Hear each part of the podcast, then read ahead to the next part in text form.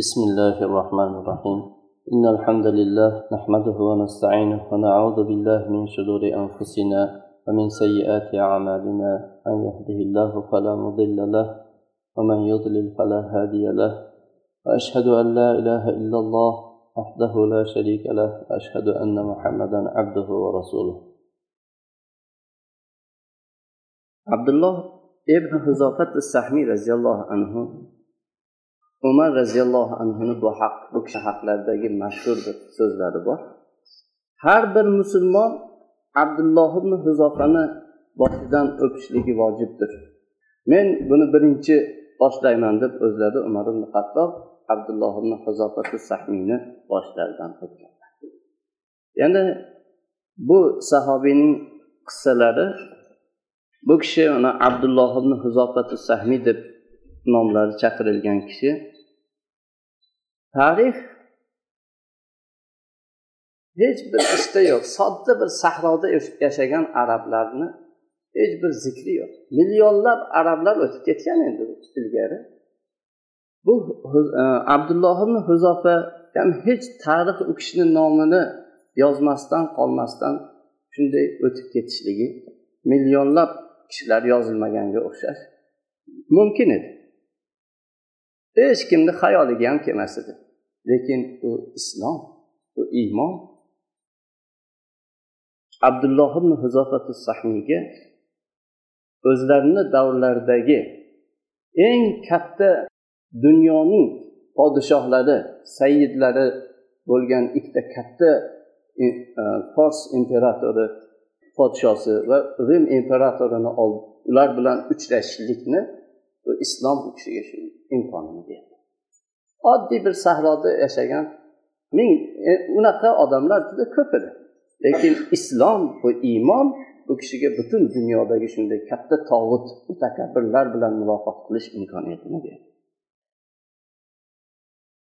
Bu ikki podshohni har biri bilan abdulloh ibn izofatu sahmiy roziyallohu anhuni ajoyib bir qissalari bor. Butun tarix xotirasi buni saqlab tarix tili buni rivoyat qilishda mana davom etadi. Alhamdulillah biz ham shuni bugun tarixlarni o'qiyapmiz. Bundan buyog'iga ham boshqa sahobiylar qatori bu kishini tarixlari shunday rivoyat qilinadi kisro bilan bo'lgan u kishini qissasi ya'ni kisro fors podshosi bilan.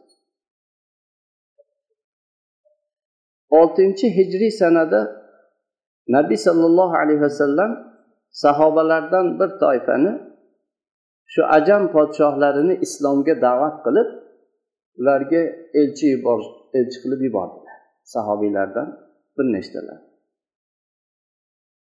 Rasululloh sollallohu alayhi vasallam bu vazifani nihoyatda xatarlik juda muhim ekanligini yaxshi tushunadi chunki bu elchilar juda ham uzoq shaharlarga u haqda oldindan hech narsa bilishmagan. Ya'ni bu liilafi quraysh surasida aytiladi. Bu makka ahlini safarlari arablarni qishda yamanga ketishardi yozda shom taraflariga kelib shunday tijorat qilishardi. Boshqa dunyoni aylangan unaqa nimalari yo'q. Jahongashtalik bular yo'q. Bu forsga ketyaptilar. Juda uzoq. Ya'ni u vaqtdagi butun katta tog'utlar ikkita tog'ut bor edi shuni bittasi shu fors podshosi edi. Uni ularni urf odati ularni xarakteri ularni tili lug'ati tarixi bularni hech bilishmasdi arab xalqi sodda shunday yashagan. Shunday joyga ketisharkan edi shunaqa bir ham mashaqqatlik ham muhim.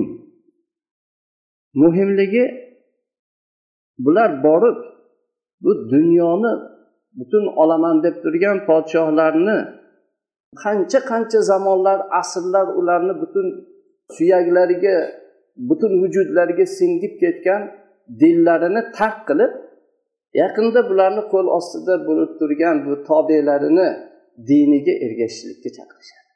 Mulkidan izzatidan u obro'sidan mansabidan hammasidan kechib botilidan zulmidan yana shu butun hayoti endi tamom o'zgarishi kerak.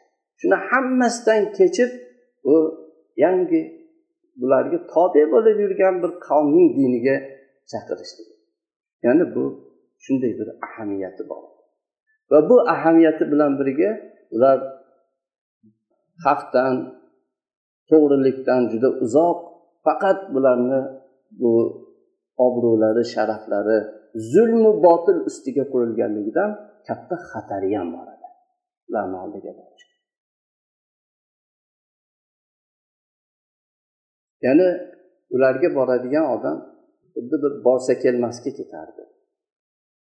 Sog' salomat qaytib kelsa umri foydaga qolgan onadan yangi tug'ilganday bo'ladi. Ana shunday xatarlik safari shuning uchun rasululloh sollallohu alayhi vasallam ashobi ikrom roziyallohu anhudan bu jamoani yig'dilar va ularni ichlarida xutba qilib allohga hamd aytdilar allohga sano aytdilar va shahodatayni aytib keyin aytdilarki ammo ba'd dedilar. Men sizlarni shu ajam podshohlariga yuborishni xohlayman bani isroil iso ibn maryam alayhissalomga ixtilof qilgandek qarshi bo'lgandek sizlar qarshi bo'lmanglar. Bu meni buyrug'imni buni bajaringlar deb chaqirdi. Shunda rasululloh sollallohu alayhi vasallamni sahobalari yo rasululloh biz siz xohlagan narsani ado etamiz. Qayerga xohlasangiz bizni jo'nating xatarlik edi tahlikalik edi. Lekin rasululloh sollallohu alayhi vasallamni buyruqlari bo'lsa nima bo'lsa biz bajaramiz jo'nating. Xohlagan joyingizga yuboring. Shunda rasululloh sollallohu alayhi vasallam sahobalardan olti kishini tanlab oldilar xatlarini maktublarini arab va ajam bo'lgan shu podshohlarga olib borishdi shu oltitani bittasi abdulloh ibn sahmiy roziyallohu anhu. U kishi nabiy sallallohu alayhi vasallamni xatlarini forslarning podshosi kisroga olib borishlik vazifasini o'zlariga qabul qildi. Ya'ni u kishiga yuklangan vazifa rasul sollallohu alayhi vasallamni xatlarini fors podshosiga olib borishdi. Abdulloh roziyallohu anhu tuyalarini safarga tayyorladilar.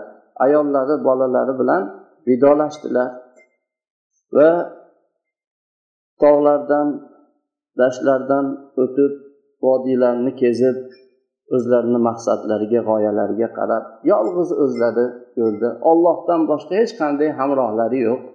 Shu vazifalarga qarab ketdi. Fors diyoriga yetib borganlarida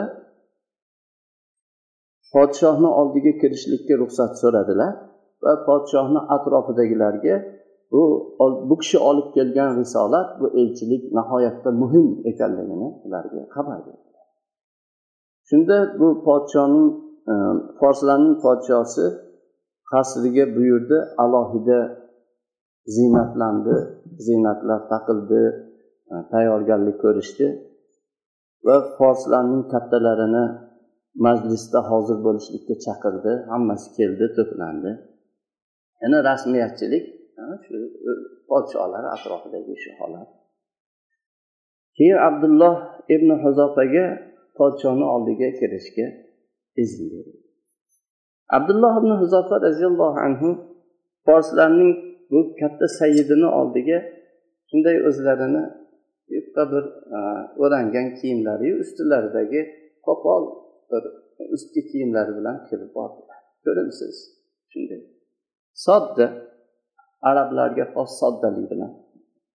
Lekin bu soddalikni ichida u kishi shunday iftixor bilan boshlari shunday ko'tarilgan ko'tarinki ruhda qomatlari tik butun ko'kslarida islom izzati yonib turgan qalblarda iymonning ulug'vorligi shunday barq urib turgan holatda kirib bordilar.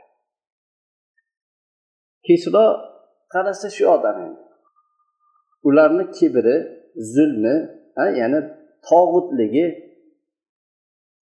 bu bunday odamlarni yaqin bo'lishini ham qabul qilmaydi. Shu tamom necha kilometr qancha joydan uzoqdan kelgan elchi. Atrofidagi turganlarga aytdiki qo'lidagi xatni ol ya'ni yaqinlashishlarini ham xohlamadi. Shunda u kishi aytdilarki buni rasululloh sollallohu alayhi vasallam qo'liga topshirasan deganlar men rasululloh sollallohu alayhi vasallamni buyruqlariga bu xohlaydimi xohlamaydimi men xilof qilmayman. Qo'liga o'zim qo'lim bilan topshiraman keyin mayli qo'yib yuboringlar desin dedi. Yaqinlashib keldilar.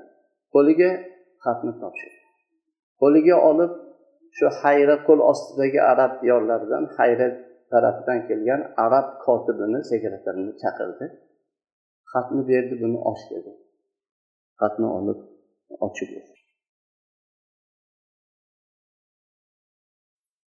u kotibi xatni ochdi. Xatda shu so'zlar bor. Rasululloh sollallohu alayhi vasallam yozgan. Bismillahi rohmanir rohim min muhammadin rasulilloh sollallohu alayhi vasallam ila kisro adini fars salamun ala man al huda shu edi. Ya'ni shunday boshlangan edi. Boshlanishi shu edi. Bismillahi rohmanir rohim ollohni rasuli muhammad sallallohu alayhi vasallamdan forslarning ulug'i kisroga hidoyatga ergashganlarga salom. Bu hisbo bu xatda xatdan shu miqdorini eshitgan vaqtda qalbida g'azabdan shu achchiq o'ti shu urkiradi ichida. Shunday qalbi g'azabga to'ldi yuzi qizardi tomirlari shishdi ko'zlari bu yoqqa chiqib ketadigan bo'lib shunday g'azablandi. Keyin nimaga buncha g'azablandi rasululloh sollallohu alayhi vasallam birinchi uni nomini aytmasdan men muhammadin rasulilloh deb o'zlarini nomlari bilan birinchi bismillahi rohmanir rohim keyin o'z nomlari bilan boshlagan. Keyin aytdiki shunday jazavasi tutib bu o'zi meni qulim bo'lib turib mana shunday menga xat yozadimi? va bu xatni ichida davomi nimaga? Rasululloh sollallohu alayhi vasallam nimaga da'vat qilganlar? Bunga e'tibor ham bermadi bilmasdan shu xatni oldi shu g'azab bilan yirtib xatni otib oldi buni chiqarib tashlanglar dedi. Abdulloh roziyallohu anhuni tashqariga chiqarib tashlashdi. U kishi ham nima qilishlarini bilmaydilar. Bu juda katta bir halokatlik zolim ko'rib turibdilar endi atrofdagi. Uni oldidan abdulloh ibn huzofati sahmiy roziyallohu anhu chiqdilar. Endi ollohni irodasi nima bilmas edilar. U kishi qatl qilinadimi o'ldirib yuborishadimi yoki shunday tashlab qo'yadimi hozir? Lekin u kishi qarasalar rasululloh sollallohu alayhi vasallamni risolatlarini olib kelib qo'liga topshirdilar. Bu buni eslaganlaridan keyin alhamdulillah dedilar endi rasululloh sollallohu alayhi vasallamni xatlarini bunga yetkazib bu vazifani bajarganimdan keyin nima bo'lsa bo'lar xohlasa o'ldirsin dedilar. Keyin tuyalarga mindilar endi u kishini ishi tugadi tuyalariga minib tez chiqib qaytib jo'nadi bir qancha vaqt o'tgandan keyin podshoh g'azabidan tushdi. Achchig'i bosildi. Keyin aytdiki kirsin. Kirgiziladi. Abdulloh roziyallohu lekin u kishi yo'q. Topisha olmadi. Qidirishdi u kishini hech bir xabarini ham bilish orqalaridan tushib yo'lga tushib orqalaridan ketishdi ergashib. To shu hozirgi saudiya saudiyni shu g'arb taraflari yuqori taraflarigacha shu jazirani chegarasigacha quvib borishdi lekin u kishi ketib bo'lgan abdulloh roziyallohu anhu nabiy sallallohu alayhi vasallamni oldilariga keldilar.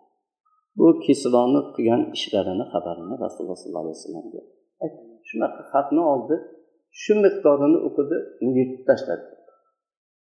Rasululloh sollallohu alayhi vasallam olloh uni mulkini yirtib tashlasin degan so'zdan boshqa gap nima ammo kisroning qissasi kisro bu g'azabdan tushgandan keyin abdulloh huzofa roziyallohu anhuni topolmadi yamanda forslar yamanni bosib olishgan. Yaman ularni mustamlakasi edi. Shu yamandagi forslar fors podshosi bor edi kesroq qo'ygan hokimi shunga xat yozdi. Bozon. Bozonga xat yozdi. Keyin bu odamni dedi bu odam derkan rasululloh sollallohu alayhi vasallamni aytyapti u odamni oldiga ikkita baquvvat yigitlaringdan ikkitasini jo'natgin. Ularga buyurgin meni oldimga tez olib kelsin dedi bozon o'zini kishilaridan yigitlardan ikkita sarasini tanladida rasululloh sollallohu alayhi vasallamga jo'natdi. Va bir xat yozdi. Xat yozib keyin bu yigitlarga tayinladi. Shu xatni birga olib boringlar keyin o'zinglar bilan birga u odamni tutib nimani oldiga kisroni podshohni oldiga olib boringlar. Keyin aytdiki bir qaranglarchi o'zi nima xabar u odam nimaga chaqiradi nima gap uni ham bir o'rganib kelinglar dedi. Ishini tekshiringlar. Keyin o'zinglar topgan ma'lumotlarni xabarlarni yig'ib menga olib kelinglar. Men xotirjamda borsa shu tutib olib ketadigan bo'lib borishdi ular ham. Bu ikkita odam nihoyatda jadal harakat qilib ketishdi. Toifga borishdi. Toif bu makkaga yaqinroq joyda toifga borib u yerda ba'zi tojir qurash tojirlarni ko'rib muhammad sallallohu alayhi vasallam haqlarida ulardan so'radi. Bunaqa odam payg'ambarlik davo qilgan qayerda deb so'rashuvdi. Ular bu odam yasribda deb madinada deb.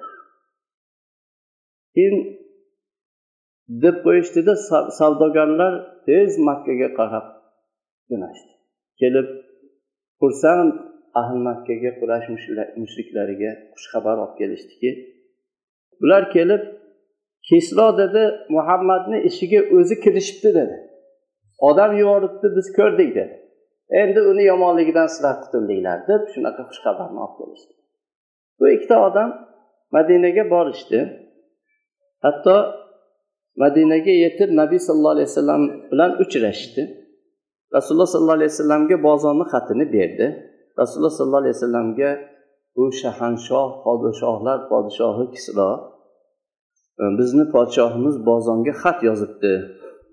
Ya'ni seni uni oldiga olib boradigan odamni yuborish yubordi buyurib yozgan ekan biz keldik biz bilan birga uni oldiga borasan dedi. Agar xohlasang xo'p desang biz kisro bilan gaplashamiz senga foydasi bor.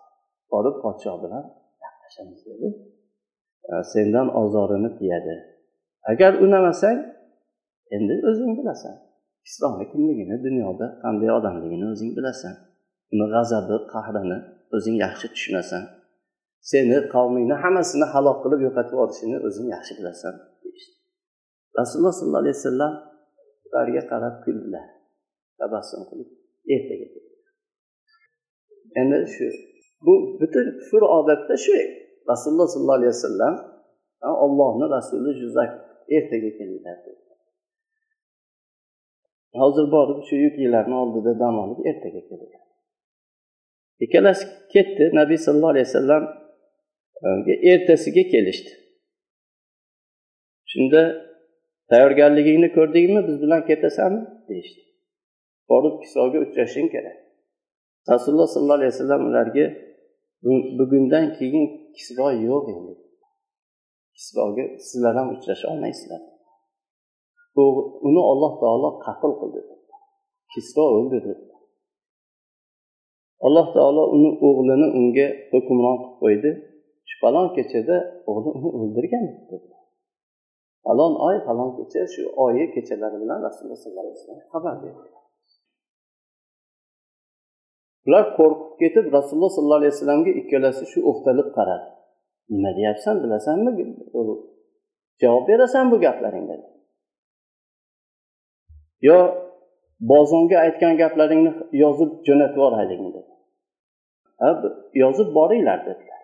Keyin bozonga yana aytinglarki bu meni dinim butun kisroning mulki yetgan joyga bu dinim g'olib bo'ladi zohir bo'ladi. Buni ham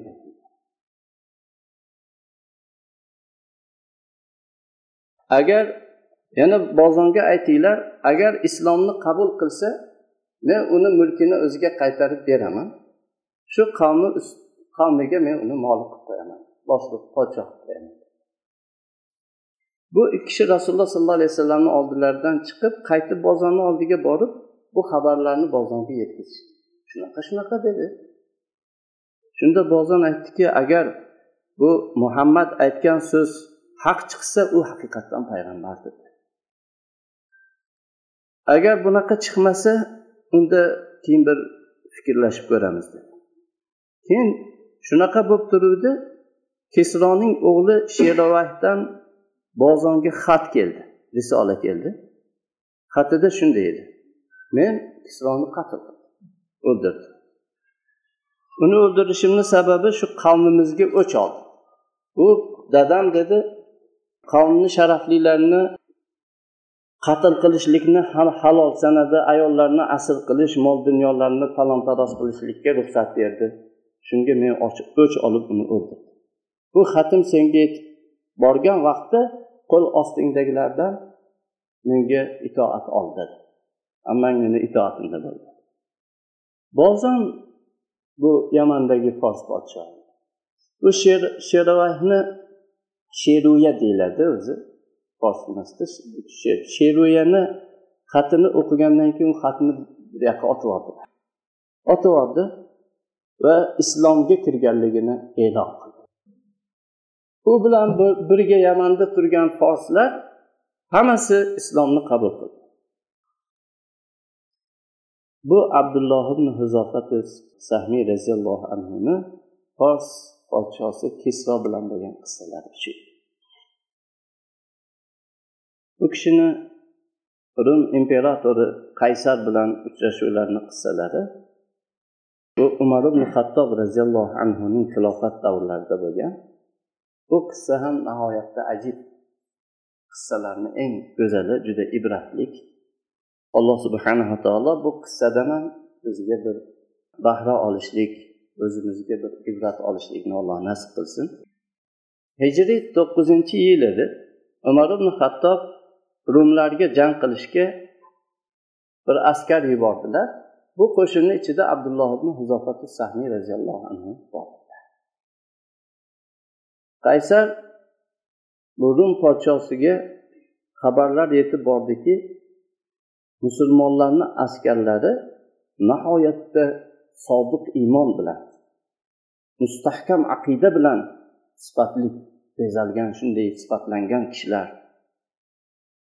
Olloh yo'lida ollohni payg'ambari yo'lida o'zlarini jonlarini hech bir arzimas sanaydigan mo'minlar degan xabar yetgan edi. Endi ular dindor. Shunga o'zini bu askarlariga buyurudiki musulmonlarni asrlaridan bir e, ulug'roq asr qo'linglarga tushib qolsa meni oldimga olib kelinglar. Tirik holatda olib kelinglar deb buyurgan. Abdulloh ibn huzofatu sahmiy rumlar qo'liga asir bo'lib tushishliklarini olloh taqdirlagan. Shu asr u kishi bo'lib qoldi. Abdulloh roziyallohu anhuni podshohlarni oldiga olib borishdi. Zanjirlar bilan bog'lab o'sha vaqtni asorati asllik. Aytishdiki bu muhammadni diniga avvalda kirgan muhammadni sodiq sahobalardan bittasi deyishdi podshohlar. Bizni qo'limizga asir bo'lib tushib qoldi sizga olib keldik deyishdi. Rum podshosi abdulloh ibn huzofaga uzoq qaradi. Keyin shosha pisha aytdiki men senga bir ishni taklif qilmoqchiman. Abdulloh nima u ishing dedilar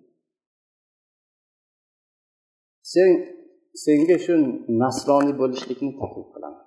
Nasroniy bo'lsang seni ozod qilaman qo'yib yuboraman. Seni hurmat qilaman. Bu asir hechanda bu hech bo'lmaydigan ish unda aytdiki bo'lmasa o'ldiraman dedi. Menga bu sen chaqirayotgan da'vat qilayotgan narsadan o'lim ming marta yaxshi o'ldiradi qaysar aytdiki sen kuchli odam ekansan agar xohlasang men shu e, nasroniy bo'lsang dedi ishimda seni sherik qilaman. Ya'ni ishiki podshohlikda seni sherik qilaman. Mulkimni taqsimlashamiz.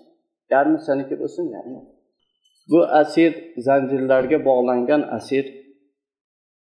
Podshohga qarab aytdiki ollohga qasamki mulkingni yarmini emas mulkingni hammasini bersang u vaqtda bu forslar hammasi bosib olingan edi umar roziyallohu anhu.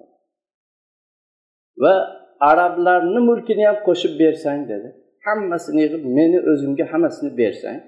Keyin shu ko'z ochib yumguncha shu dindan chiqib tur desang mulkingni kerak qilmasdin dedi. Ya'ni yer yuzini hammasini topshirib ko'z ochib yumgungacha bu iymondan bu haqdan qaytib tur desang qilmas edim dedi. Unda o'ldiraman dedi. Bilganingni qil qo'lingdan kelganini qil dedi. Keyin buyurdi u kishini borib dorga osib qo'yishdi. Keyin o'zini tilida runcha qilib qo'lini atrofiga otinglar merganlarga buyurdi. Ular shu qo'llarini yonlariga otar edi u borib nasroniy bo'lasanmi dedi kishi yo'q dedi. Keyin oyoqlarini atrofiga otdi. Shu butun atroflariga shu o'q otishdi. Diningdan qaytasanmi dedi. Kishi yo'q dedi. Keyin tushiringlar dordan pastga tushiringlar dedi u kishini tushirishdi. Va odamlarga aytdiki bir katta qozon olib kelib o't yoqib qozonga yog' to'ldiringlar dedi. Qozon olib kelib o'tga qo'yildi. Yog' qaynab turgan edi keyin musulmon asllardan bittasini olib kelinglar musulmon asllardan bittasi olib kelindi. Ularni bittasini shu qozonga tashlashga buyurdi. Qozonga tashlashdi. Shu ko'p o'tmay u kishini e, bu aslni go'shtlari titilib qozonda shunday suyak yalang'och bo'lib suyakni o'zi chiqdi. Keyin abdulloh ibn huzofaga qaradi nasroniylikka chaqirdi. Endi bu kishi g'azablandilar. Juda qattiq nima bilan rad etdilar uni so'zni bu kishidan umidsiz bo'lgandan keyin a buni ham tashlab yubor qozonga buyurdi shu qozonga tashlab buni jallodlari bu kishini qozonga olib kelayotgan vaqtda qarasa ko'zlaridan yosh yig'ladilar podshoga xabar berishdiki yig'layapti e unda qaytarib kelinglar u o'yladiki abdulloh roziyallohu anhu yig'lab shu jazo qilib yig'layapti dedi. Menga olib kelinglar dedi. Kelib oldiga turgan vaqtida nasroniylikni yana taklif qildi. Abdulloh roziyallohu anhu unamadi. Shunda yaramas nimaga yig'lading bo'lmasa dedi. Ha sen bunga chaqirding men yig'ladim dedilar.